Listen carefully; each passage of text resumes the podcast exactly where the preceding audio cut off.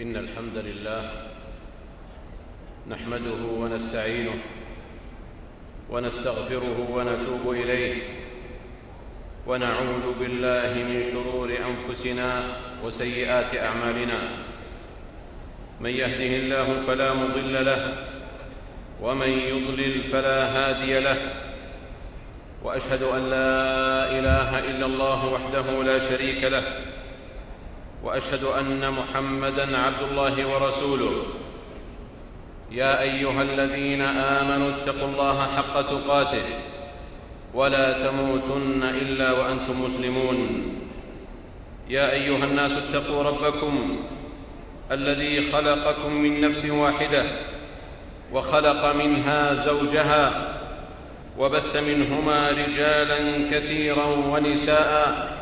واتقوا الله الذي تساءلون به والأرحام إن الله كان عليكم رقيبا. يا أيها الذين آمنوا اتقوا الله وقولوا قولا سديدا يصلح لكم أعمالكم ويغفر لكم ذنوبكم ومن يطع الله ورسوله فقد فاز فوزا عظيما. أما بعد فيا أيها الناس إنه لا يخفى على كل لبيب سبر ما حل بواقع أمتنا الإسلامية من نوازل ومدلهمات يتبع بعضها بعضا إبان غفلة من عقلائها ليدرك ليدرك أن كثرتها وتسارعها ليس امرا اعتياديا ولا بدعا من ال... ليس امرا غير اعتيادي ولا بدعا من الأحداث والنوازل. التي لا تأتي طفرة دون مقدمات وأسباب اذكتها وأسباب اذكتها لتحل بنا أو قريبا من دارنا. وهذه الأحداث وهذه الأحداث ايا كان لونها وحجمها فإننا جميعا لسنا مبرئين من كوننا سببا فيها من قريب أو بعيد. لأن الباري جل شأنه يقول وما أصابكم من مصيبة فبما كسبت أيديكم ويعفو عن كثير. والأمة الواعية والأمة الواعية الموفقة هي التي تنظر بعين الجد تجاه تلكم الأحداث فتدرس أسبابها وتستجلب علاجها وهي في الوقت نفسه تتقي داء خطيرا لا يزيد المصائب إلا بلاء وليس هو من العلاج في ورد ولا صدر وهو ما يعاني منه جل المجتمعات في مواجهة مثل تلكم المصائب والمدلهمات المتتالية. ألا إنه داء التلاوم؟ ألا إنه داء التلاوم؟ نعم التلاوم الذي يزيد المحن اشتعالا ولا يطفئها. التلاوم الناشئ بعد كل فشل الناشئ بعد كل فشل أو خسارة أو محنة. أو خسارة أو محنة لتغطية الفشل به. والهروب من الاعتراف بالخطأ والندم عليه والعزم على عدم تكراره.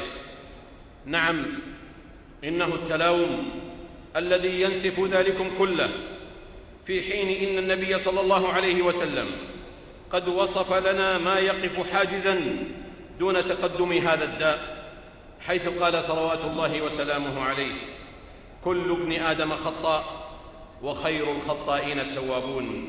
رواه أحمد والترمذي. وقال صلوات الله وسلامه عليه والذي نفسي بيده لو لم تذنبوا لذهب الله بكم وجاء بقوم يذنبون فيستغفرون الله فيغفر لهم. رواه مسلم. التلاوم عباد الله صورة من الإنكار سلبية. إذ ليس هو توبيخا ايجابيا إذ ليس هو توبيخا ايجابيا ولا عتابا محمودا. وإنما هو جزء من الأنانية والأثرة. إذ كل شخص يلقي باللائمة على الآخر مع أنهما مخطئان جميعا. لكنها المكابرة والهروب من المسؤولية والتقاعس عن الإصلاح على حد قول من قال رمتني بدائها وانسلت. التلاوم عباد الله التلاوم عباد الله هو إلى الخصام أقرب منه إلى النصح والإصلاح. لأن المصائب لأن المصائب تنشئ تدارس العلاج. والتلاوم يئده في مهده. والتلاوم, والتلاوم يئده في مهده. وهو صورة من صور إفلاس المجتمعات في التعامل مع مصائبها ونوازلها الحالة بها. وهو غالبا وهو غالبا ما يكون في رمي الآخر بما تلبس به الرامي نفسه. لذلك لم يأتي التلاوم لم يأتي التلاوم في كتاب الله محمودا. ثم إن التلاوم ليس مثل اللوم إذ اللوم يكون من جهة الناصح إلى المخطئ. بخلاف التلاوم فكلا المخطئين يلقي باللائمة على الآخر وهنا مكمن التعامي عن التصحيح.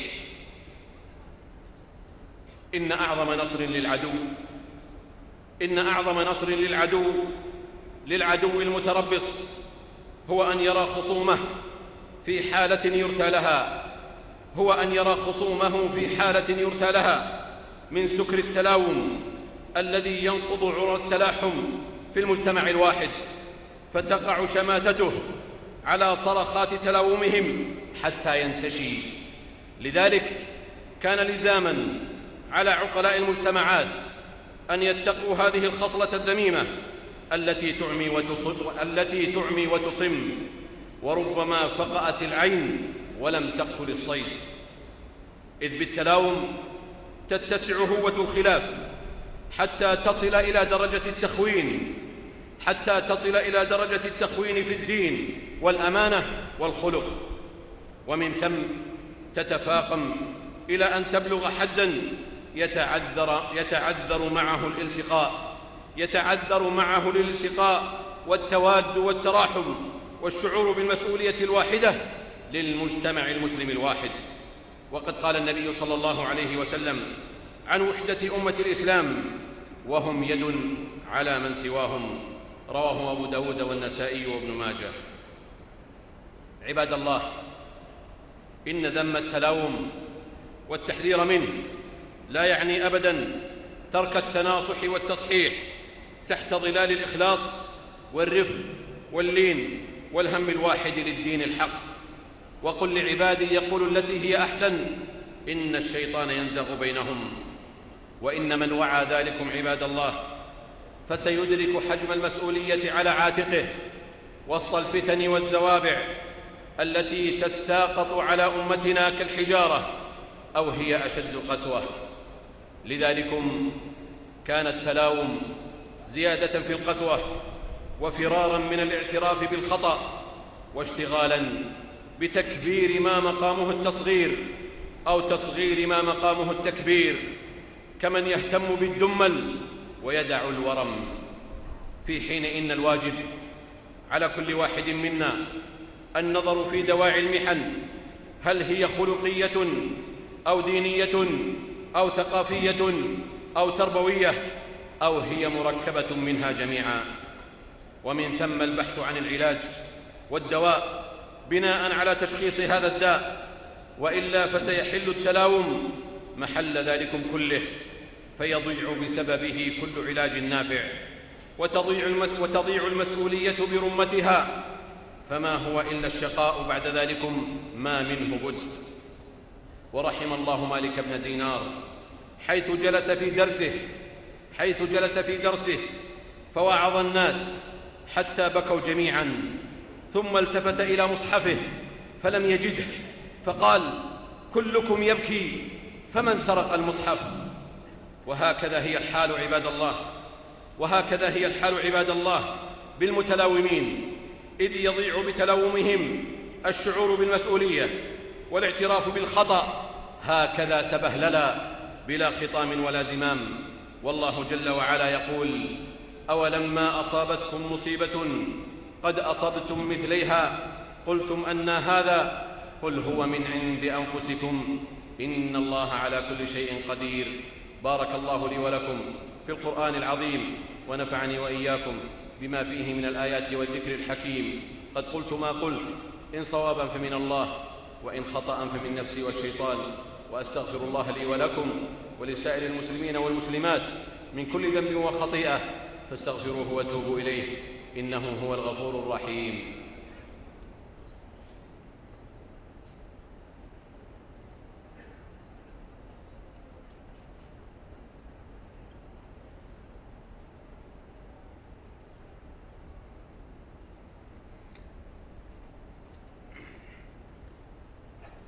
الحمد لله على إحسانه والشكر له على توفيقه وامتنانه وبعد فاتقوا الله عباد الله واعلموا أن المهمات العظيمة والمصالح المشتركة لأمة الإسلام لا ينبغي أن يغشاها التلاوم لأن الأمور الكبيرة لا يحتملها إلا النفوس الكبيرة وقد أوصى النبي صلى الله عليه وسلم معاذ بن جبل وأبا موسى الأشعري رضي الله تعالى عنهما حين بعثهما إلى اليمن داعيين إلى الله فقال لهما تطاوعا ولا تختلفا رواه البخاري ومسلم. والتلاوم عباد الله لا تطاوع معه ولا اتفاق بل هو خلاف وخصام لا خير فيه. ولذلك عباد الله فإن ظاهرة التلاوم لم تكن في أسلافنا من قبل لأن دواعيه من الأنانية والمكابرة واللامبالاة لم تضرب بأوتادها بين ظهرانيهم. إذ النفوس إذ النفوس صافية والقلوب متواضعة والشعور بالتقصير ديدن كل واحد منهم. وتقديم المصالح العامة عندهم أولى من المصالح الخاصة.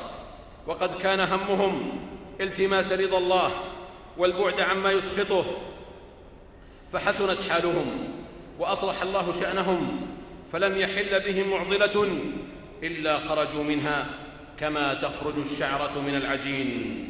فهم لم يكونوا ملائكة وليسوا منزهين من الخطأ بل يخطئون ويصيبون فيتوبون إذا أخطأوا فيتوبون إذا أخطأوا ويشكرون إذا أصابوا. لكننا لكننا قد خالفنا نهجهم. فصدق فينا قول ابن مسعود رضي الله تعالى عنه يأتي على الناس زمان أفضل أعمالهم بينهم التلاوم. رواه أبو داود. تلك هي حالهم عباد الله. تلك هي حالهم عباد الله. فما نحن صانعون بحالنا. إذا حل بالأقوام يوما بلية فخير علاج للبلاء التحاكم. إلى قول مولانا وسنة أحمد وبئس علاج المخطئين التلاوم. هذا وصلوا رحمكم الله على خير البرية وأزكى البشرية محمد بن عبد الله صاحب الحوض والشفاعة. فقد أمركم الله بأمر بدأ فيه بنفسه وثنى بملائكته المسبحة بقدسه. وايه بكم أيها المؤمنون فقال جل وعلا يا أيها الذين آمنوا صلوا عليه وسلموا تسليما. وقال صلوات الله وسلامه عليه من صلى علي صلاة صلى الله عليه بها عشرا. اللهم صل وسلم على عبدك ورسولك صاحب الوجه الأنور والجبين الأزهر وارض اللهم عن خلفائه الأربعة أبي بكر وعمر وعثمان وعلي وعن سائر صحابة نبيك محمد صلى الله عليه وسلم. وعن التابعين ومن تبعهم بإحسان إلى يوم الدين وعنا معهم بعفوك وجودك وكرمك يا أرحم الراحمين. اللهم أعز الإسلام والمسلمين. اللهم أعز الإسلام والمسلمين. واخذل الشرك والمشركين. اللهم انصر دينك وكتابك وسنة نبيك وعبادك المؤمنين. اللهم فرج هم المهمومين من المسلمين ونفس كرب المكروبين واقض الدين عن المدينين واشف مرضانا ومرضى المسلمين برحمتك يا أرحم الراحمين.